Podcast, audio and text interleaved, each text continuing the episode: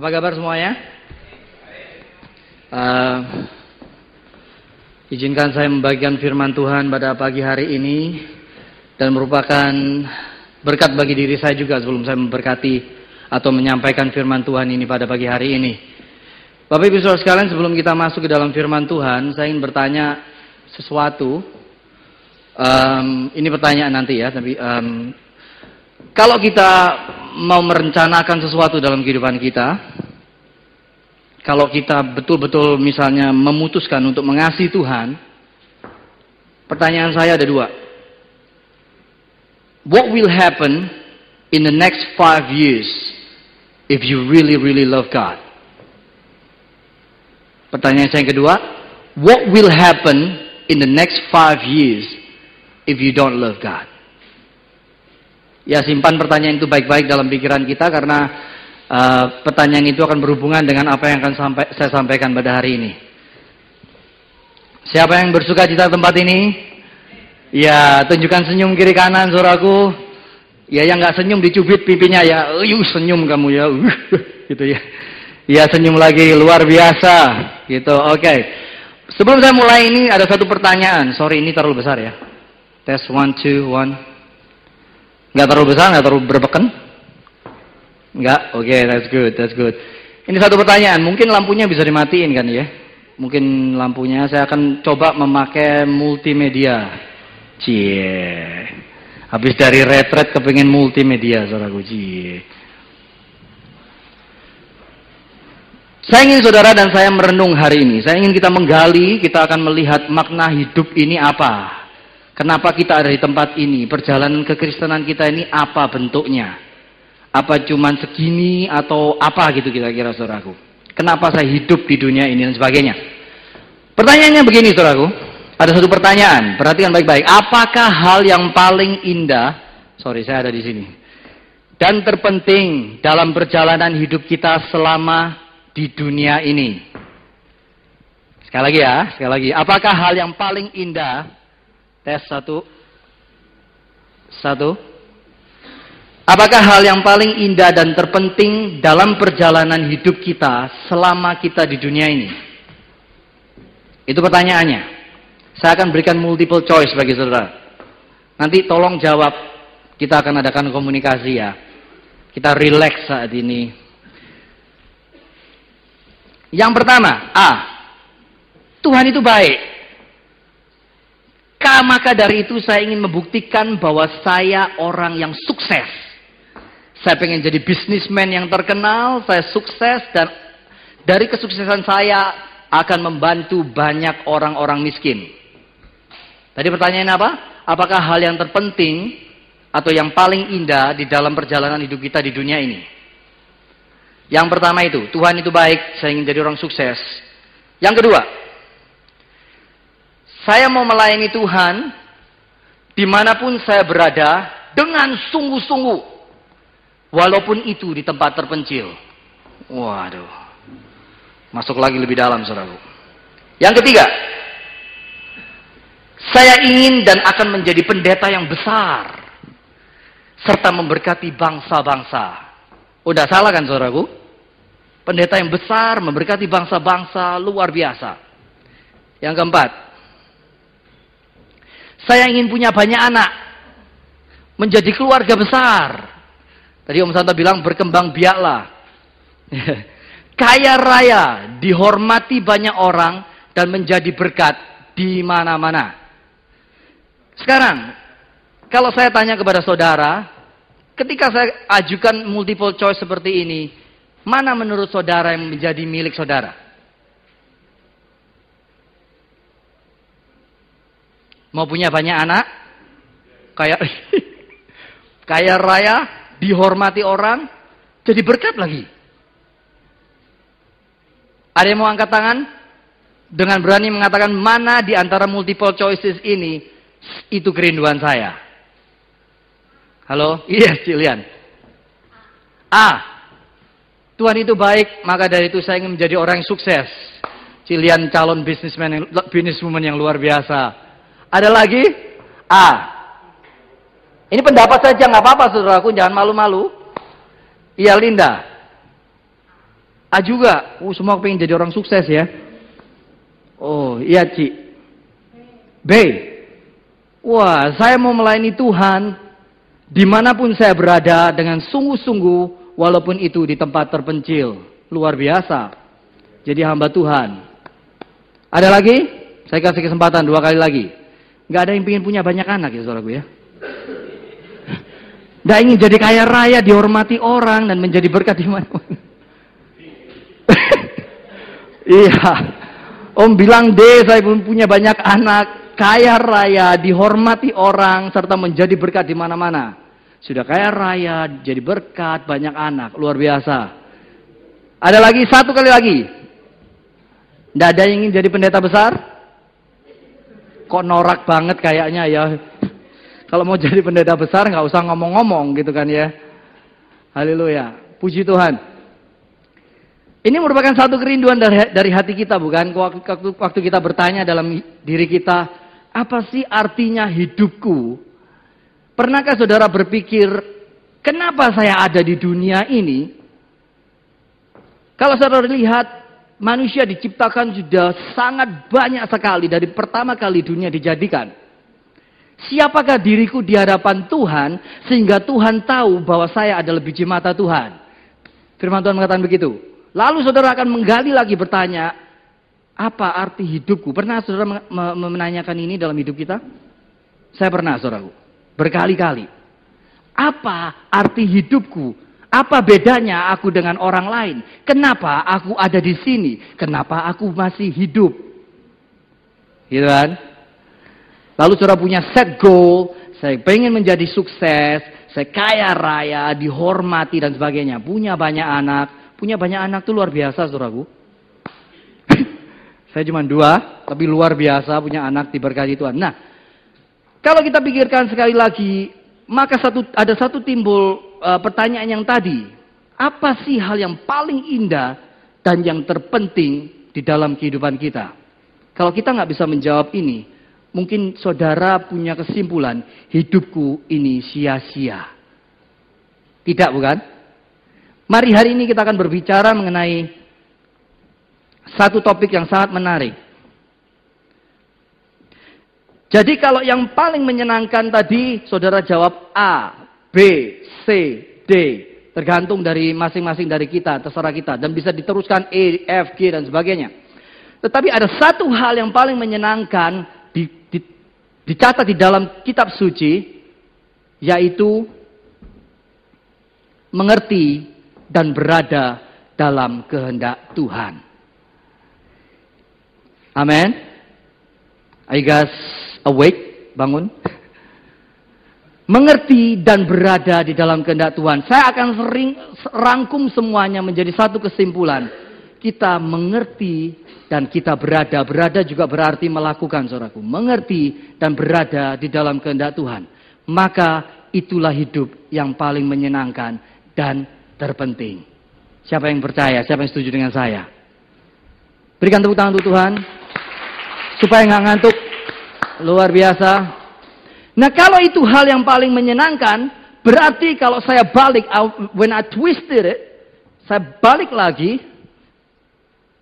Berarti ada hal yang paling menyedihkan. Amin. Jika kita tidak mengerti dan kita tidak berada di dalam kehendak Tuhan. Gampang kan saudaraku? Ya. Ini merupakan suatu pergumulan yang sangat dalam di dalam diri kita. Ternyata Tuhan itu punya kehendak. Jadi kehendak bukan punya kita doang, tetapi Tuhan Tuhan punya kehendak. Rasul Paulus mengatakan begini, hidupku bukannya aku lagi, tapi Kristus yang hidup di dalamku. Jadi artinya, He's taking my control. Paling menyedihkan kalau kita sedang berada di posisi tidak mengerti apa yang Tuhan mau dan kita tidak melakukan atau berada di dalam kehendak Tuhan. Ya setuju katakan amin. Nah saya mau saudara aktif. Biar mata melek, cerah, otak encer, uh, Habis ini kita pesta rohani, amin. Paling menyedihkan. Hari ini saya ber, berbicara mengenai berada di dalam kehendak Tuhan. Nah, kalau kita perhatikan bahwa um, Ada beberapa, mari kita buka Matius 7 ayat 21.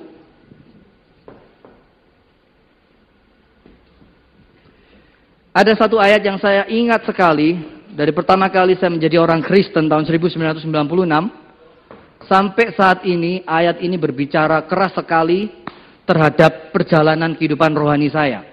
Dan saya hafal ayatnya, uh, maksudnya di mana Matius 7:21 sampai 23. Kita baca.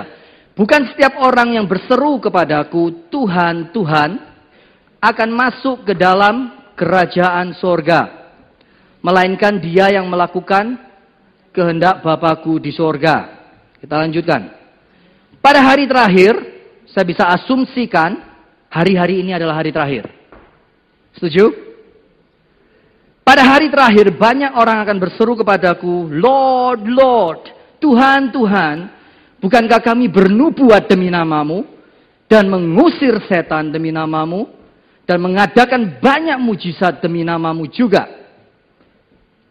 Lanjut, pada waktu itulah aku akan berterus terang kepada mereka dan berkata, Aku tidak pernah mengenal engkau, enyalah daripadaku, kamu sekalian pembuat kejahatan. Wow, ayat ini keras sekali saya rasa saudaraku.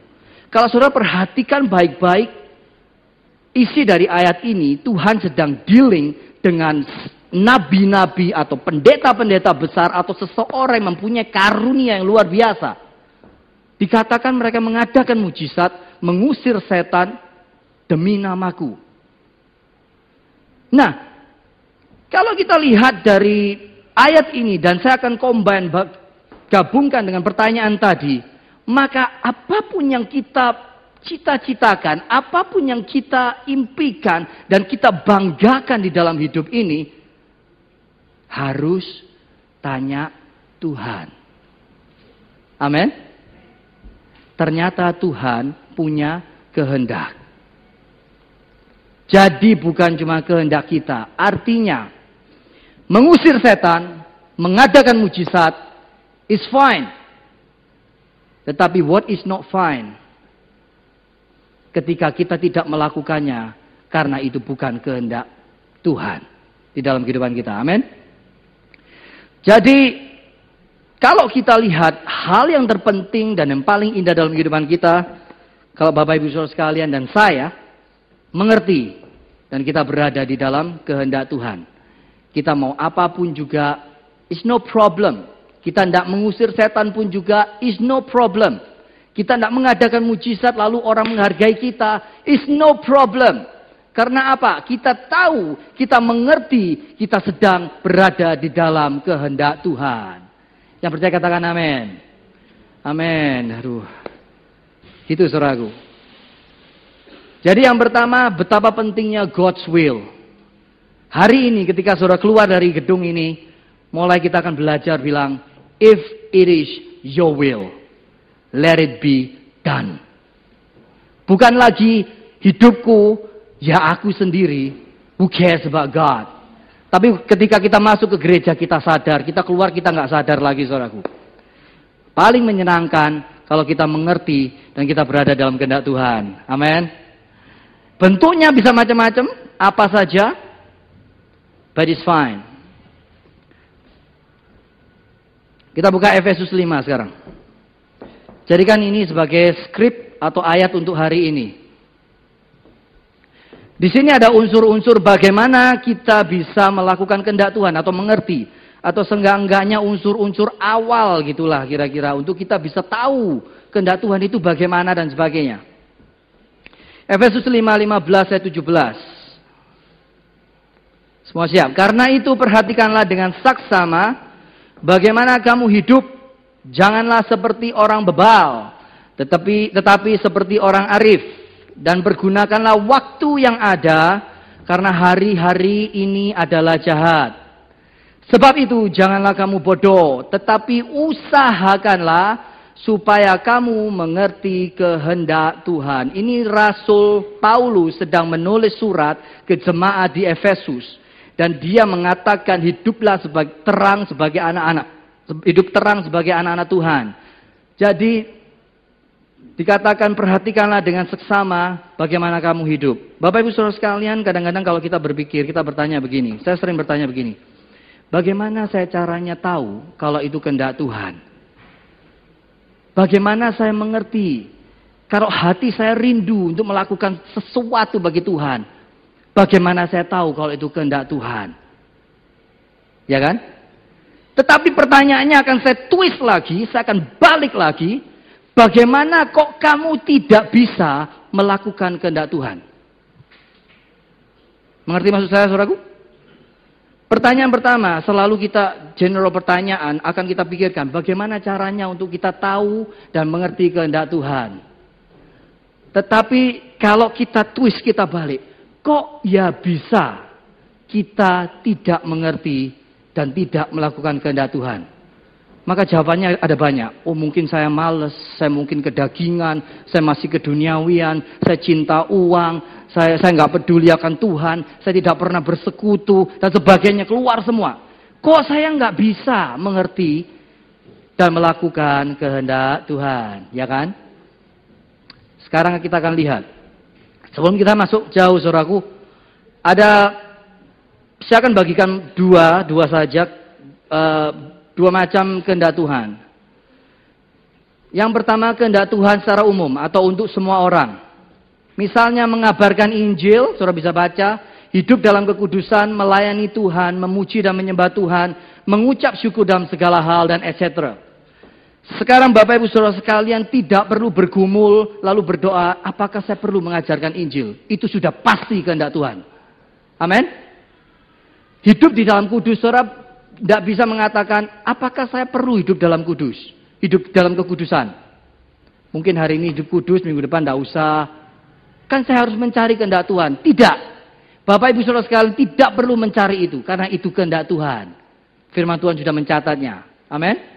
Dan sebagainya, melayani Tuhan. Lalu yang kedua, ada kehendak Tuhan secara spesifik.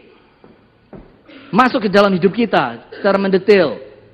Pekerjaan, Pekerjaan apa yang akan saya cari? Atau bisnis. Saya sedang ada di persimpangan jalan. Saya nggak tahu harus memilih yang mana. Kiri, kanan, muka, belakang. Saya harus bergumul. Saya harus mengerti. Panggilan melayani. Mau jadi apa? Mau melayani apa? Seorang misionaris saya percaya bahwa Tuhan sudah atur hidupnya dari pertama.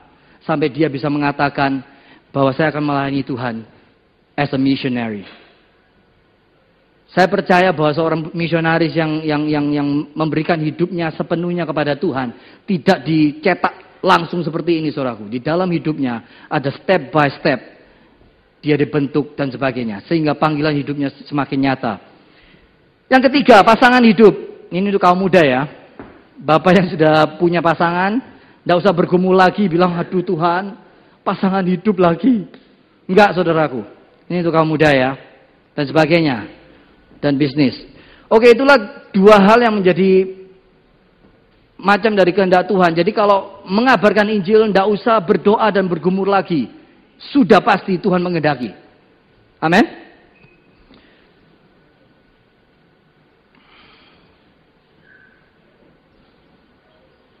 Kita akan lihat unsur-unsur apakah yang akan membuat kita bisa pada akhirnya mengerti akan kehendak Tuhan. Kita lihat tadi Efesus 5 ya. Coba buka itu. Yang pertama.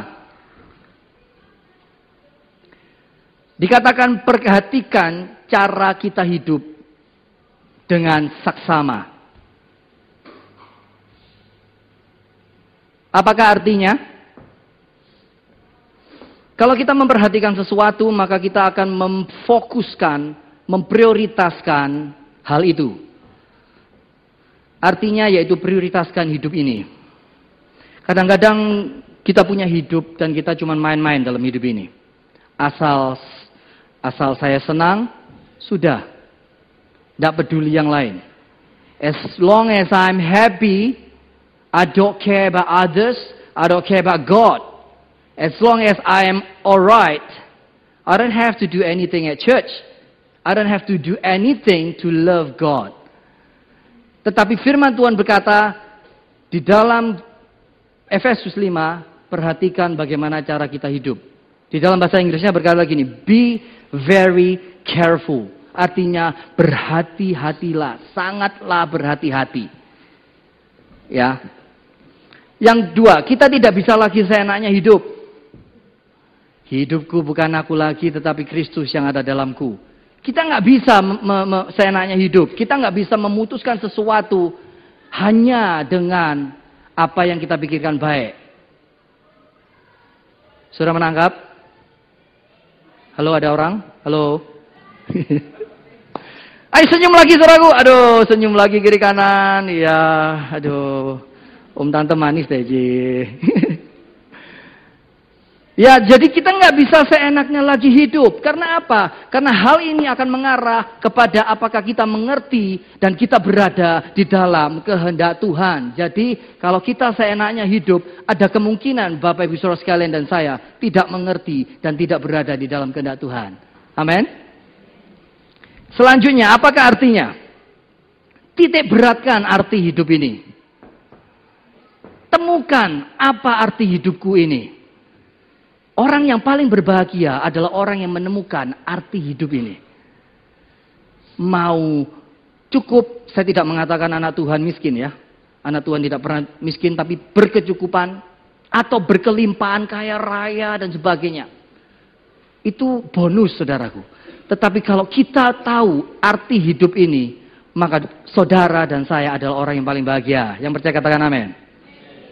Artinya, kondisi boleh boleh berubah, orang boleh melihat kita dalam situasi yang berbeda, tetapi saudara yakin kalau saudara tahu arti hidupmu apa. Amin. Dan saudara mulai memperhatikan cara kita hidup dengan sesama. Selanjutnya, eh ada aturan mainnya. Perhatikan cara hidup berarti ada aturan mainnya. Kalau kita mau sungguh-sungguh mau mengerti kehendak Tuhan di dalam hidup kita masing-masing, itu ikut aturan main. Sampai sini dulu, ada yang jelas ya. Luar biasa. Ini yang pertama, perhatikan cara kita hidup. Kita bukan lagi seperti dulu gitu ya. Firman Tuhan berkata, yang lama sudah berlalu, yang baru sudah datang. Kita ciptaan yang baru. Kita ini baru. Gitu. Saya akan lanjutkan. Oh, solusinya Hidup sebagai orang arif dan bukan orang bebal. Dalam bahasa Inggrisnya dikatakan not as unwise, but as wise. Bukan sebagai orang yang tidak bijaksana, tetapi sebagai orang yang bijaksana. Apakah artinya? Saya simpulkan sebagai ini, kebijaksanaan atau wisdom itu mengambil arti penting dalam menentukan cara kita hidup. Jadi kalau kita mau memperhatikan hidup dengan baik-baik, maka saudara perlu yang namanya hikmat Tuhan. Saudara perlu yang namanya wisdom. Amin. Halo? Yes. Luar biasa. Kebijaksanaan. Permulaan hikmat adalah takut akan Tuhan. Mari kita buka Amsal 9 ayat 10. Uh, semua kelihatan ya kira-kira ya. Enggak blur ya.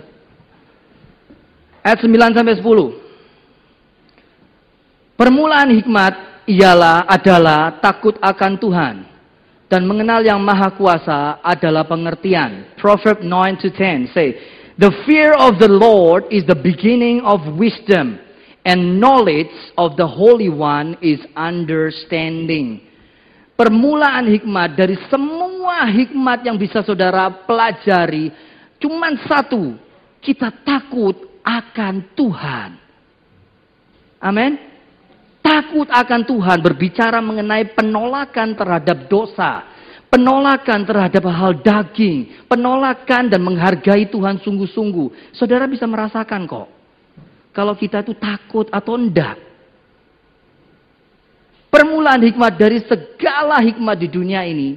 Hikmat saudara bisa minta dari teman, dari segala dari semua orang, dari papa, mama, atau uh, adik-adik, atau koko, cici, dan sebagainya, teman-teman baik. Tetapi yakinlah bahwa permulaan hikmat adalah the fear of the Lord.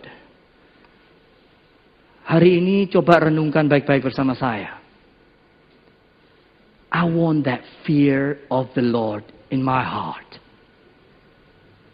Dan hidup saya akan selalu berhikmat di hadapan Tuhan. Amin. Luar biasa. Permulaan hikmat adalah the fear of the Lord. Dan meng, dan step selanjutnya adalah knowledge of the Holy One is understanding membuat saudara mengenal Sang Pencipta itu lebih dalam lagi. Oh, kita akan lanjutkan lagi. Itu yang pertama, perhatikan bagaimana cara kita hidup dengan saksama. Perhatikan baik-baik. Jadi setelah saudara keluar dari sini, saudara bukan ciptaan, saudara bukan diri saudara sendiri lagi, tapi yakinlah ketika saudara percaya kepada Yesus, Yesus itu yang memerintah dalam hidup kita. Jadi dengar-dengaran sama Tuhan Yesus. Amin. Ketika keluar keluar dari tempat ini. Yang kedua, kita naik ke Efesus 5 selanjutnya. Pergunakanlah waktu yang ada karena hari-hari ini adalah jahat. Dalam terjemahan bahasa Inggrisnya NIV berkata, making the most of every opportunity because the days are evil. Artinya begini saudaraku. Di dalam kehidupan kita saudara tahu mengenai waktu-waktu yang kita sediakan. Dikatakan making the most of every opportunity. Kita tahu ketika kita ada kesempatan-kesempatan misalnya untuk berdoa, gunakan itu. Berdoa. Ketika ada kesempatan-kesempatan itu untuk memuji Tuhan, gunakan itu. Memuji Tuhan. Making the most of the opportunity. Saya tahu pribadi bahwa kita semua orang sibuk. Siapa yang tidak sibuk? Saudara bisa bantu di bantu saya di rumah kalau saudara tidak sibuk. Tapi kita semua orang sibuk. Kita bekerja, kadang-kadang kita berkata, saya nggak punya waktu. Well, there is opportunity in your life somehow. Mau jujur? Ada toh pasti. Ada pepatah mengatakan kalau waktu itu di, di, diadakan ya, ya ada sebenarnya saudaraku. So making the most of the opportunity. Saya akan ceritakan sebuah kesaksian. Ada seseorang itu seorang pemain biola. Dia ada di Washington DC, di Amerika, United States. Dan dia sedang ada di subway station. Dia menaruh biolanya, dia membuka untuk uh, orang memberikan uang kepada dia. Saudara kalau tahu di Washington DC itu sibuk sekali, mungkin saudara bisa lihat seperti di Sydney. Kalau saudara bisa lihat pagi-pagi di train station misalnya di Sydney, saudara akan bisa melihat orang banyak sekali mau pergi kerja. Ya kan?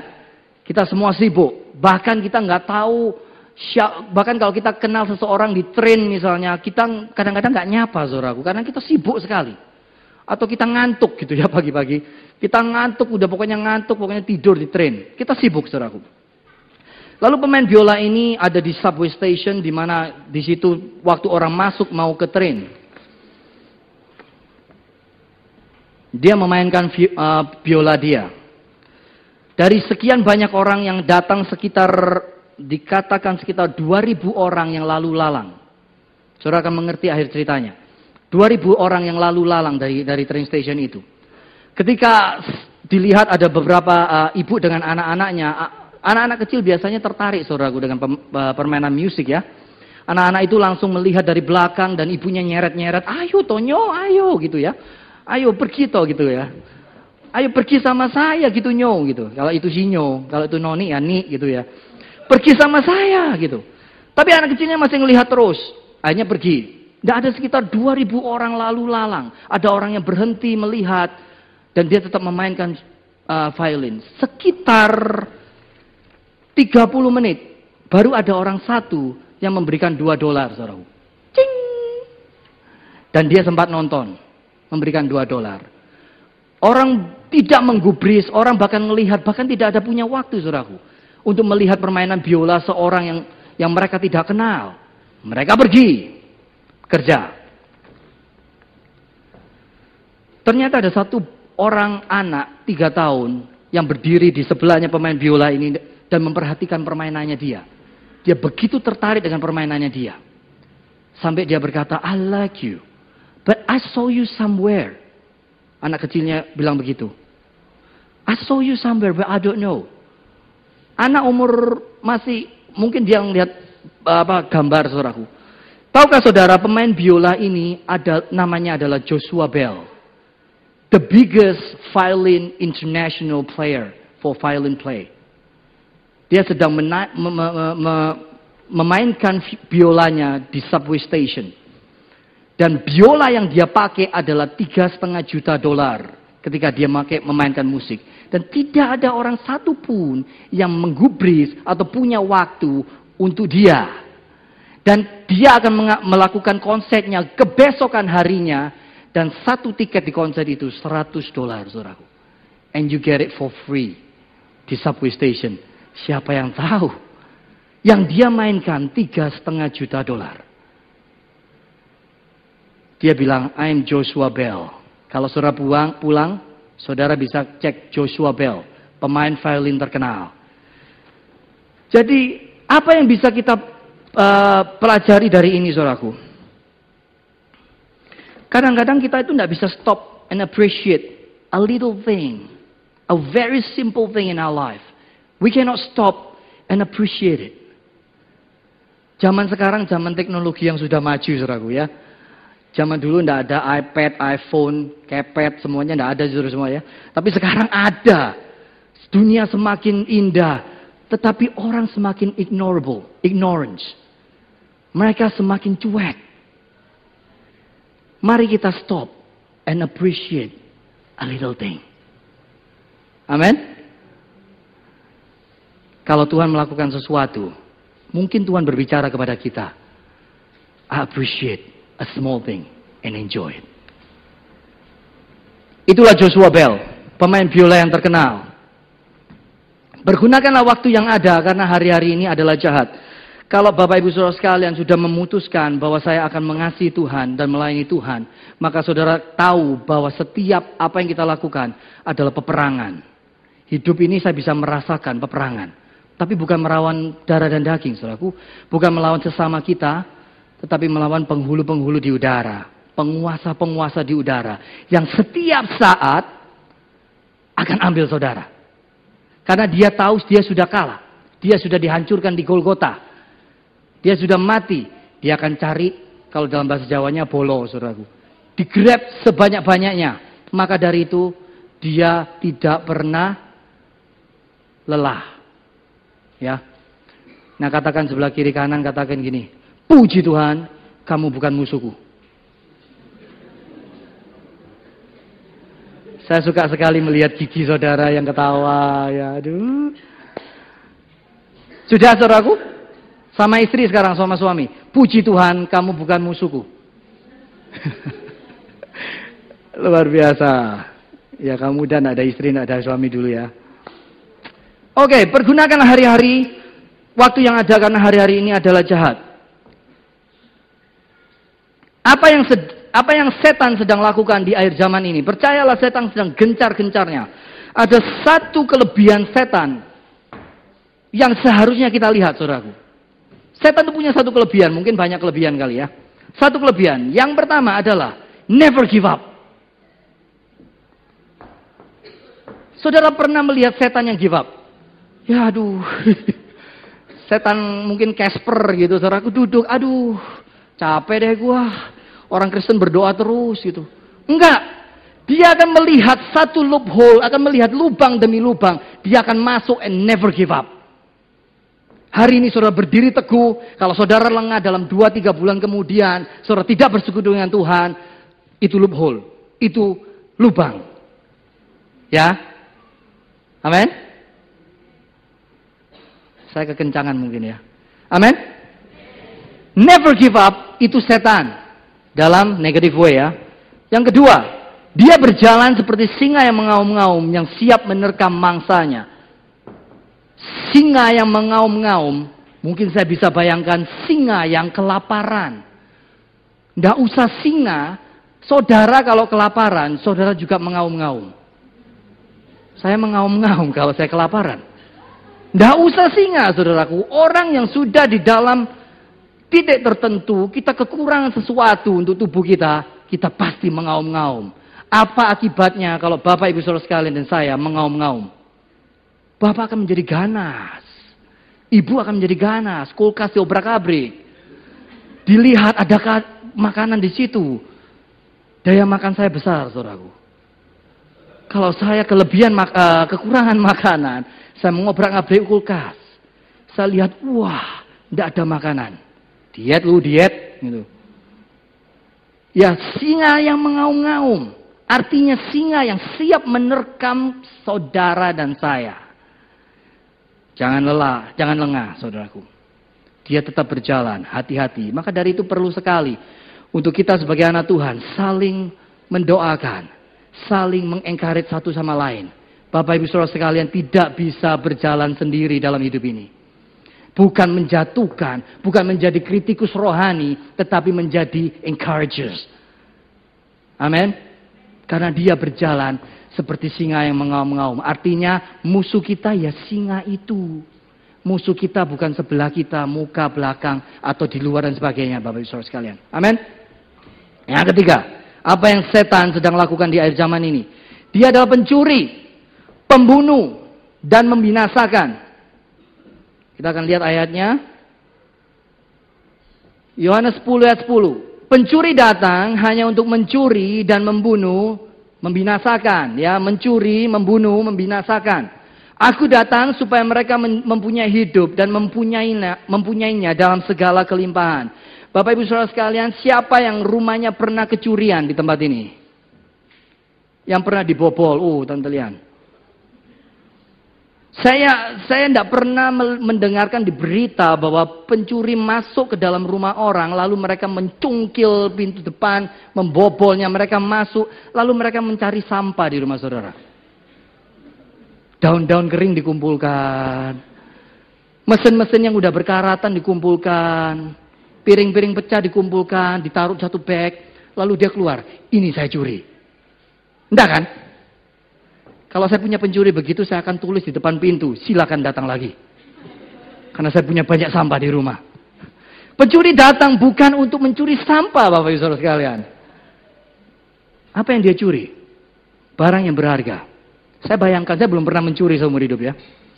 Kalau saya mencuri, saya akan bayangkan, saya akan mengambil barang yang paling berharga dan dengan sangat cepat. Karena saya nggak mau ke ketahuan, saudaraku. Pencuri yang bodoh sekali adalah ketika dia mencuri dan dia ketahuan ketangkap. Saya pernah melihat di YouTube ada seorang perampok bank. Dia merampok bank cepat tapi bodoh. Cepat sekali, uangnya diambil sekali, keluar. Terus yang ditabrak pintu, saudaraku. Jebret. Tuabrak lagi pintu, jebret. Pintunya tuabrak lagi, jebret. Ini orang goblok ini. Dituabrak terus. Terus habisnya Terus polisi pada berdatangan, saudaraku. Ternyata pintunya nggak dikunci. Ternyata bukan ke dalam, tapi keluar. Oh, bukan keluar, tapi ke dalam, saudaraku. Jadi waktu ditabrak, ditabrak terus, kok kayaknya kekunci. Tapi padahal harus ditarik, saudaraku. Tapi bukan keluar, ada yang inward, ada yang outward ya, saudaraku ya. Pintu. Jadi dia nabrak terus. Dikatakan the most uh, stupid idiot of something gitu, saudaraku, di YouTube. Kalau saya membayangkan saya sebagai seorang pencuri, saya akan mengambil barang-barang yang berharga, saya akan mengambil, mengambilnya dalam waktu yang secepat mungkin. Profesional, saudaraku. Misalnya, saya kasih contoh. Kalau saya datang ke rumah Bapak Ibu Saudara sekalian mencuri. Saya melihat kulkas yang dua pintu, saudaraku. Dan laptop di sebelah kiri. Mana yang saya ambil, saudaraku? Ya laptop. Bukan kulkas yang dua pintu saya gotong, saudaraku. Enggak. Kalau saya melihat cash di, di, di, di, di meja, dengan kartu kredit card di sebelah mana yang saya ambil? Dua-duanya saudara saya ambil. Lo gampang kok diambil. Bukan kulkas saya ambil dua-duanya. Itu seorang pencuri. Mari kita aplikasikan dengan setan. Dia mencuri, apa yang mau dicuri? Sesuatu yang berharga dalam diri saudara. Apa itu? Imanmu. Kalau setan mencuri iman kita, kita menjadi loyo, kleper. Makanya nggak nggak nggak heran tahu-tahu ada orang yang bete terus marah atau ada orang yang yang yang khawatir terus yang ya persoalan ndak ndak selesai-selesai. Setan sedang mencuri itu. Ketika dia sedang mencuri, dia bukan cuma mencuri, dia akan membunuh saudara. Setelah membunuh saudara, dia akan mencoba membawa saudara ke dalam kebinasaan. Dan itu kekal. And it's eternal. Amin. Pencuri datang hanya untuk mencuri, membunuh, dan membinasakan. Jadi setan is a liar. Kadang-kadang peperangan rohani itu dimulai dari pikiran kita. Maka dari itu perhatikan hidup kita secara sesama. Kita perlu hikmat Tuhan. Kita perlu itu. Untuk apa? Supaya ketika dia membisikkan sesuatu, ditangkis oleh kita. Karena firman Tuhan ada dalam diri kita. Amin. He's a liar. Sekarang yang ketiga, kita masuk ke Efesus. Janganlah bodoh dan berusahalah. Poin yang ketiga, janganlah bodoh dan berusahalah. Artinya mengalami pertumbuhan yang lebih baik. Saya yakin sekali kita mengalami pertumbuhan. Tetapi Rasul Paulus menuliskan suatu surat, pasti ada kata-katanya begini, berdoa untuk kamu, aku berdoa untuk kamu, aku berdoa untuk kamu, supaya kamu mengalami pertumbuhan yang lebih baik. Mari saat ini kita berkata, saya tidak bodoh dan saya mau berusaha. Supaya apa?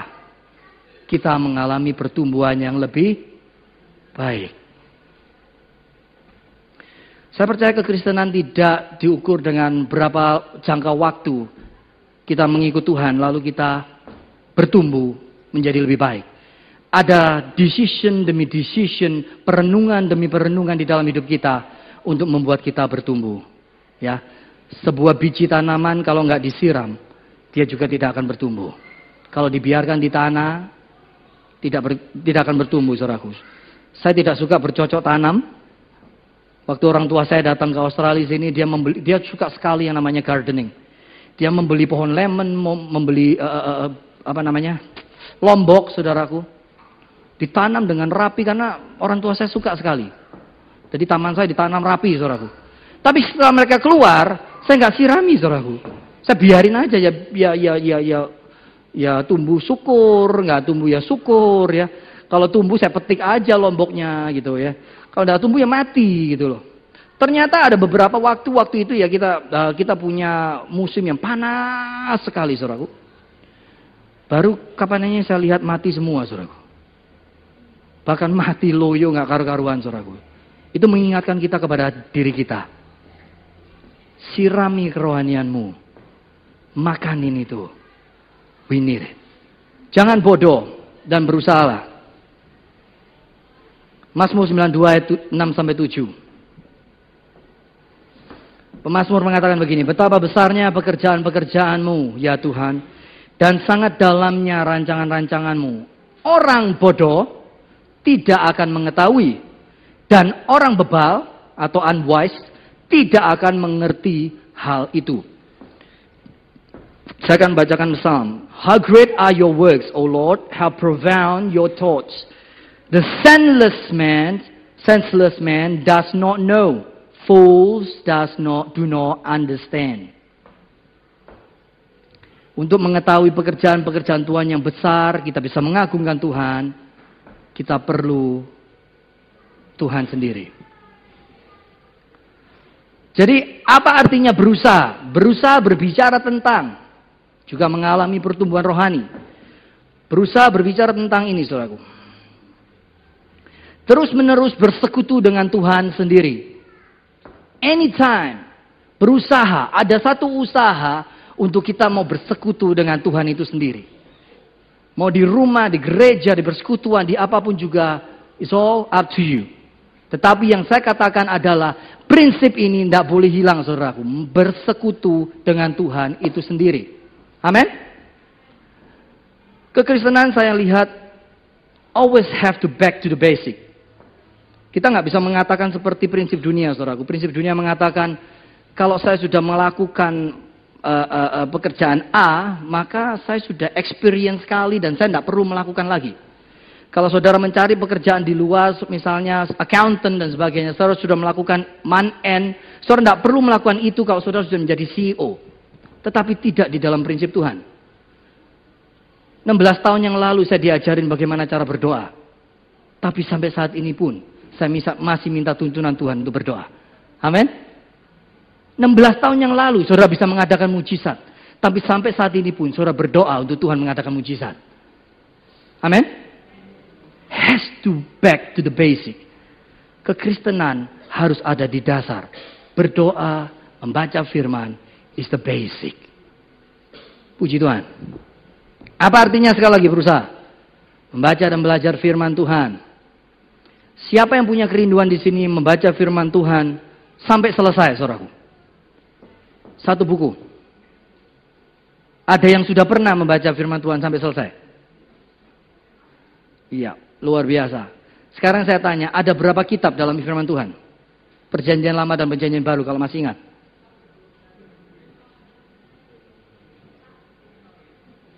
ada 66 kitab. Ada berapa kitab di perjanjian lama? Satu? Ada 37 kitab. Ada 29 kitab di perjanjian baru. Saudara bisa menunaikan atau membaca firman Tuhan dalam waktu dua bulan. Siapa yang setuju? Asal saudara baca terus. Saya percaya ketika kita membaca firman Tuhan, ada begitu banyak pertanyaan, saudaraku. Saya akan berikan ide untuk membaca firman Tuhan, saudaraku. Di dalam setiap kitab, terdiri dari banyak pasal-pasal, dan pasal yang paling banyak adalah di kitab Mazmur. Ada berapa? 150 kitab. Tetapi ada kitab-kitab tertentu yang cuma satu pasal, saudaraku. Obaja, Titus, kalau nggak salah, Yudas, is that right? Yeah. Ada satu saat di, tiap-tiap kitab ada cuma satu pasal. Kalau saya berikan uh, suatu jalan bagi saudara untuk menyelesaikan firman Tuhan dalam dua bulan, mungkin nggak saudaraku? Kalau membacanya satu kitab satu hari. Halo? Mungkin? Dengan catatan tidak boleh berhenti punya pertanyaan, bingung, mumet, muter, tidak terserah saudaraku. Tapi tidak boleh berhenti. Baca terus. Yang menjadi masalah kita membaca firman Tuhan adalah ketika kita membaca dan mungkin itu kita nggak mengerti, oh mungkin bagi kita it doesn't make sense, oh kita struggling untuk mengerti, lalu kita berhenti. Saya mempunyai problem yang sama. Tidak usah angkat tangan, saudaraku, saya aja. Dua bulan saudara bisa membaca firman Tuhan habis. Saudara tidak perlu mengerti semuanya dulu. Tugas kita adalah, kenapa saudaraku, dua bulan ini? Karena untuk membangun ketekunan dalam diri kita. Coba satu kitab satu hari. Pasti di dalam waktu tiga empat hari, saudara akan miss something. Saudara akan bilang, saya kalau nggak baca firman Tuhan hari ini, nggak enak rasanya ya. Tuhan sedang mengasah hati nurani saudara. Tuhan sedang mengasah ketekunan saudara. Di dalam dua bulan, I finished it already. Amin. Satu kitab satu hari, banyak hal yang nggak mengerti. Misalnya surah mulai dari Matius, ada beberapa sektor-sektor yang bisa saya saya nggak punya ini, saya nggak taruh di sini saudaraku. Surah mulai dari Matius, ketika Matius selesai satu hari, saya yakin besok pagi Roh Kudus berbicara pada saudara. Saudara pasti ingat pasal tertentu, pasal tertentu. Ketika saudara kerja, ketika saudara menyetir mobil, saudara jalan, saudara akan ingat pasal itu. That's what experience. Amin. Tapi ada banyak orang berkata, oh saya nggak punya waktu, saya cuma punya waktu baca satu hari satu chapter. Ya, yeah, it's up to you, saudaraku. Tetapi satu kitab satu hari is possible. Dua bulan Alkitab selesai. Lalu apa? Ya dibaca lagi. Saudara bisa bilang empat bulan sekarang. Karena kenapa? Karena saudara harus menulis semua pertanyaan-pertanyaan yang saudara nggak mengerti. Tapi saudara sudah punya sense di sini. Saya harus baca firman Tuhan. Percaya saya, jemaat CLC pasti akan maju dengan dahsyat sekali. Bukan karena kekuatan Bapak Ibu Saudara sekalian, tetapi kekuatan firman Tuhan sendiri. Amin. Berikan tepuk tangan untuk Yesus Tuhan. Membaca firman Tuhan. Amsal 3 ayat 5 berkata begini, Percayalah kepada Tuhan dengan segenap hatimu, dan janganlah bersandar kepada pengertianmu sendiri. Proverb 3 to 5, say, uh, verse 5, Trust in the Lord with all your heart, and lean not on your own understanding. Ketika kita membaca firman Tuhan, mari kita taklukkan pikiran kita. Kita menyerahkan pikiran kita dan kita bilang, Tuhan, I might not understand this, but I will understand with you. Amin. Tetapi kalau kita membaca firman Tuhan, kita sudah menjadi bos dari firman Tuhan itu, saudara nggak akan menjadi apa, nggak nggak menerima apa-apa, saudaraku. Karena semakin saudara baca, semakin saudara baca, semakin dalam rahasia di dalam firman Tuhan. Itu yang saya alami. Saya tidak tahu buat saudara. Jadi baca firman Tuhan. Do not lean to your own understanding. Kenapa saya berbicara demikian? Suatu saat saya bertemu dengan teman saya, saudaraku. Ini sama-sama di kaum muda. Dan dia punya talenta banyak. Dia sempat sekolah di Hillsong College. Um, dan beberapa teman, he's English speaking. Dan dia punya background teologi yang kuat, saya rasa. Dan dia orangnya cukup dewasa. Dan um, pernah beberapa kali menjadi ketua kaum muda dan youth pastor. Saya ber, berbicara sama dia suatu saat. Hanya udah lama sekali nggak berbicara. Kita, kita, ketemu, uh, kita ketemu, tapi ketemunya di Facebook ya saudaraku. Kita berbicara, saya bertanya kepada dia, statusnya dia aneh. Dia bilang bahwa kenapa gay tidak masuk surga? Saya berpikir, wah ini hal yang paling sensitif. Sekali lagi saya bukan personally hate gay people, no. Tetapi ada satu prinsip, kalau kita berbicara mengenai prinsip, prinsip itu harus jelas. Amin. Saya berbicara dengan dia di Facebook. Setelah saya nggak berbicara, udah cuma sedikit aja, why are you gay? Saya ngomongnya belak-belakan orangnya, saudaraku. Are you gay? Dia nggak jawab. Dia pergi. Habis itu um, saya ketemu dengan anak buahnya. Kita makan sama-sama di Thai restoran, kita makan-makan. Di situ terjadi perdebatan. Is di luar expectation saya. Saya tidak suka berdebat. Tetapi untuk hal ini, saya bukakan dua Korintus. Di mana Rasul Paulus berkata, Man cannot sleep with man. Jelas sekali di dalam firman Tuhan. Banci tidak akan masuk ke dalam kerajaan surga. Yang ngomong itu firman Tuhan. Dan kita berdebat. Why? Mereka juga manusia. Saya mengerti mereka manusia. Kalau mereka bukan manusia, saya kaget, saudaraku. Mereka manusia. Ya. Kenapa? Kita berdebat, saudaraku. Dia lulusan Hillsong College. Lalu saya bilang, why? Saya bukakan Korintus ini seperti skakmat ya, saudaraku. Ya. Lalu dia bilang begini, kesimpulannya. Ya, itu kan katanya Rasul Paulus. Ya bukan, tidak mungkin lah. Ya itu kan katanya, kita kan nggak tahu. Saya langsung tunjuk dia, dia teman baik saya. You are graduate from Hillsong College. What have you done? Masa hal yang seperti ini tidak mengerti, saudaraku? Membaca firman Tuhan tidak perlu pakai status saudara sekolah Alkitab yang luar biasa. Dengan hati mengasihi Tuhan, engkau membaca firman Tuhan, firman itu menjadi remah dalam hidup kita. Amin. Berikan tepuk tangan untuk Tuhan Yesus. Lalu kita kita sedikit berdebat. Lalu, akhirnya menjadi panas kan kalau debat itu panas kan. Lalu saya mengalah karena saya nggak nggak suka berdebat. Oke, gini aja. Kamu baca lagi firmannya, kamu renungkan. Firman Tuhan itu tidak bisa dicomot satu-satu, saudaraku. Kalau itu katanya Rasul Paulus, itu katanya Petrus, ya semua kata-katanya, saudaraku. Saudara tidak akan pernah melihat itu hikmat dari Tuhan dan waktu yang dituliskan di setiap kitab itu berbeda-beda, tetapi ada satu arti yang sama. Itu luar biasanya firman Tuhan. Itu katanya Timotius, itu katanya, ya itu katanya firman Tuhan. That's it. Amin. Saudaraku dari sini, begitu banyak prinsip-prinsip di dunia ini yang akan kita terima. Coba cek dengan firman Tuhan. Bapak Ibu Saudara sekalian akan menjadi kuat. Akan mengerti dan kita akan berada di dalam kehendak Tuhan. Kalau kita nggak mengerti kehendak Tuhan, bagaimana kita bisa melakukan kehendak Tuhan? Fair kan? Kita harus mengerti. Jadi ketika kita berbicara tentang ini, saya melihat lagi di Facebook, dua teman saya waktu di uh, sama-sama kaum muda, satunya gay, satunya lesbian. So, my heart is broken. Dia dilihat bahwa mereka nggak bisa married di Australia, mereka married di UK. Di situ dilihat celebrationnya, marriednya di Facebook. Facebook luar biasa zaman sekarang, saudaraku. Bisa tahu rahasia orang lain. Kita yang mau sok tahu, kita bisa tahu dari Facebook. Itu udah tahu di situ celebrationnya.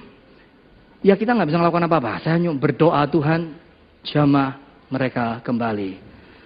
Amin.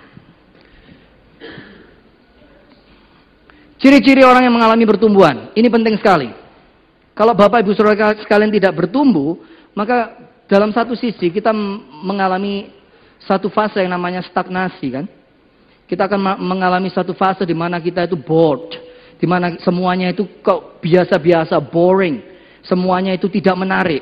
But mari kita berkata begini, I want to be part of something that is alive. Because my, because my God is alive. Kita tidak sedang menyembah dewa-dewa yang mati. Kita menyembah Tuhan yang hidup. Amin.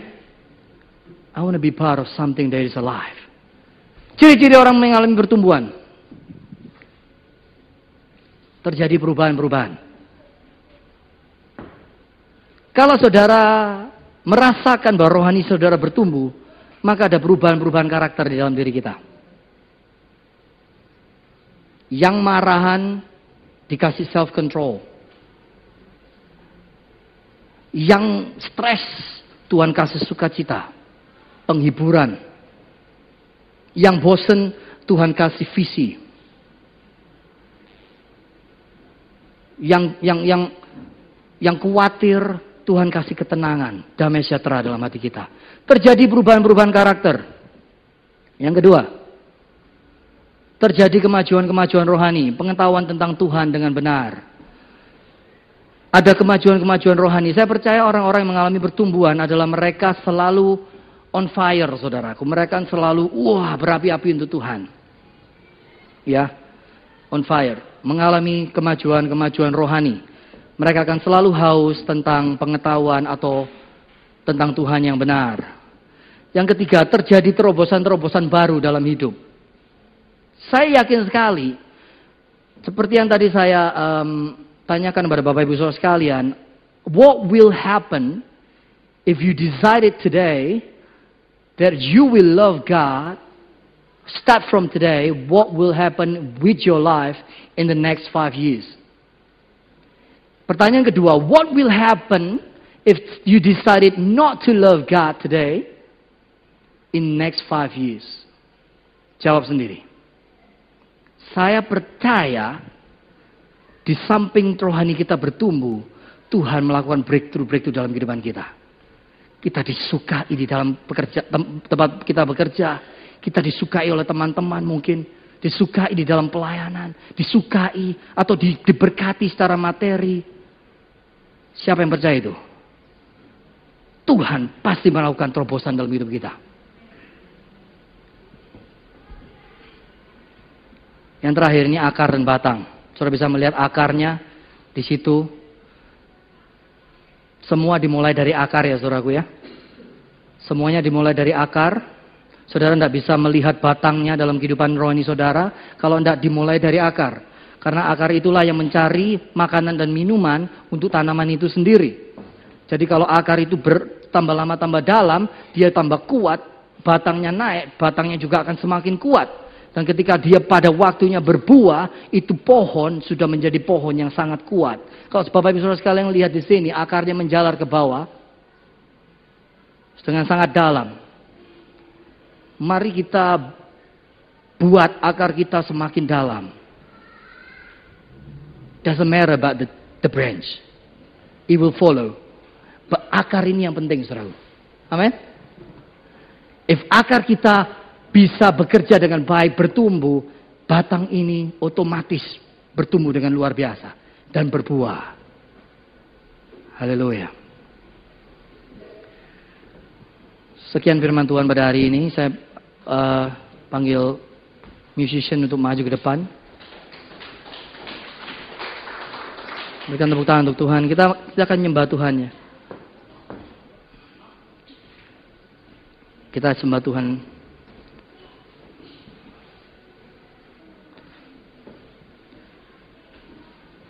Semua orang tidak tahu ketika saudara datang di gereja ini dengan kondisi apa. Semua orang nggak tahu. Yang mereka tahu saudara hadir. Tapi saudara nggak tahu orang di sebelah saudara sedang mengalami apa. Tidak ada dari kita mengerti akan ini.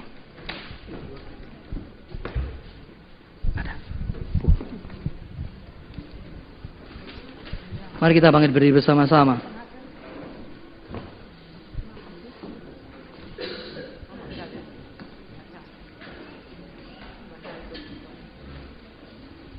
Saya percaya yang sakit akan sembuh hari ini.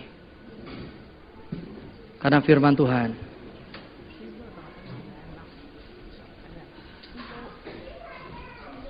Saya percaya ada urapan baru di tempat ini. Kita naikkan pujian bukan dengan barang fana. Kau membayar semua dosaku Tuhan. Mari kita pakai waktu selama lima menit sebelum kita keluar dari gedung ini. We boost our spiritual life. Untuk menjadi satu, kau Tuhan apiku sudah sudah turun, apiku sudah padam. Fire, burn me. Ketika saya keluar, saya mampu itu. Menjalani hidup dengan begitu banyak tantangan di dalam hidup ini. Atau kalau saudara sedang diberkati Tuhan, ketika saudara keluar dari tempat ini, saya akan gunakan semua yang diberkati Tuhan untuk mengasihi Tuhan, untuk untuk untuk kemuliaan nama Tuhan. Apa pun kondisi kita saat ini, let's we boost it up.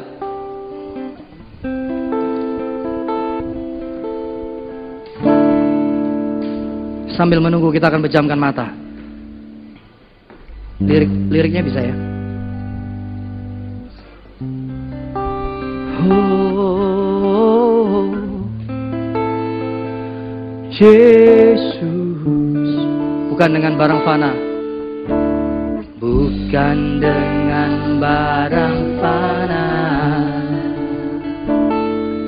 Kau membayar dosaku dengan darah yang mahal. Dengan darah yang tiada noda, tiada noda dan celah. Bukan dengan emas perak, bukan dengan emas perak. Kau menebus Thank you Jesus. Oh, oleh segenap hati, segenap hati dan pengorbananmu pengorbananmu ku telah mati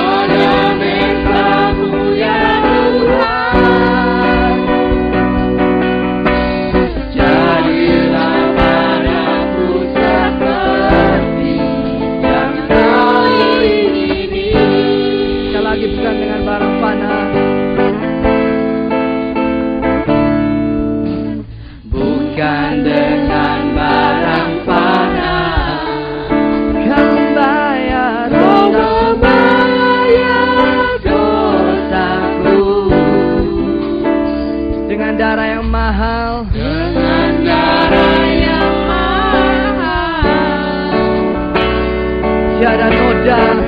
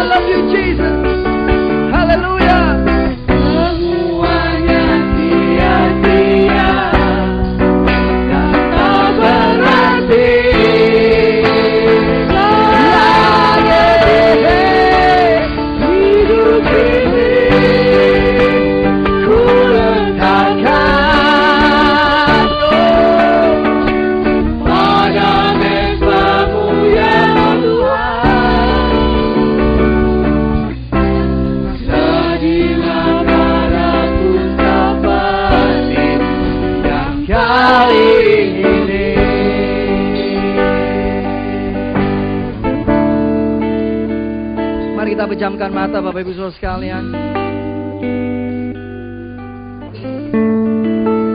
Kalau saudara tidak merasa bahwa saudara tidak connected dengan Tuhan Komitmen saudara sudah loyo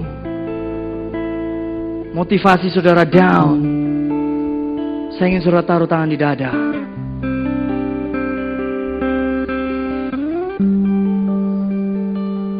Dan kita akan bersama-sama berdoa untuk Bapak Ibu Saudara sekalian. Yang kedua, kalau saudara sakit, taruh tangan kanan di, tempat yang sakit. Dan kita akan berdoa bersama-sama, kita akan percaya bahwa sakit itu akan sembuh. Hari ini akan sembuh. Semua pejamkan mata, nggak boleh telok kiri kanan, saudara. Saya akan berdoa untuk yang pertama. Bapak kami berdoa untuk saudara-saudara kami semua yang yang merasa komitmen Tuhan kami I'm, I'm disconnected with you God. I don't know where to go. I don't have the fellowship with you. But today, as the, the, the, the word of God saying to me, I want to go and connect it back to you, Lord Jesus. I want to recommit with you because you are valuable in me. I know he's been stolen, but I will take it back and I will recommit it again. Bapak, Bapak di surga, hamba berdoa saat ini menjamah hati. Menjamah mereka yang mau komitmen. Menjamah hati-hati yang luka di tempat ini. Yang kedua, Bapak di surga kami berdoa untuk mereka yang sakit. Tangannya sudah ditaruh di sana sebagai sebagai tanganmu Tuhan. Yang yang yang akan memegang bagian yang sakit. Di dalam nama Yesus Kristus. Saya minta kesembuhan terjadi di dalam penyakit itu. Saya percaya ada kuasa ilahi yang menjamah di bagian sakit itu. Di dalam nama Yesus Kristus.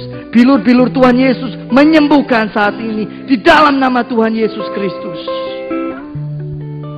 Terima kasih Bapak. Saya akan keluar dari tempat ini. Saya mau mencari, mengerti, dan akan selalu berada di dalam kehendakmu. Bantu aku roh kudus. Haleluya. Di dalam nama Yesus, semua yang percaya katakan. Amin. Silakan duduk saudara.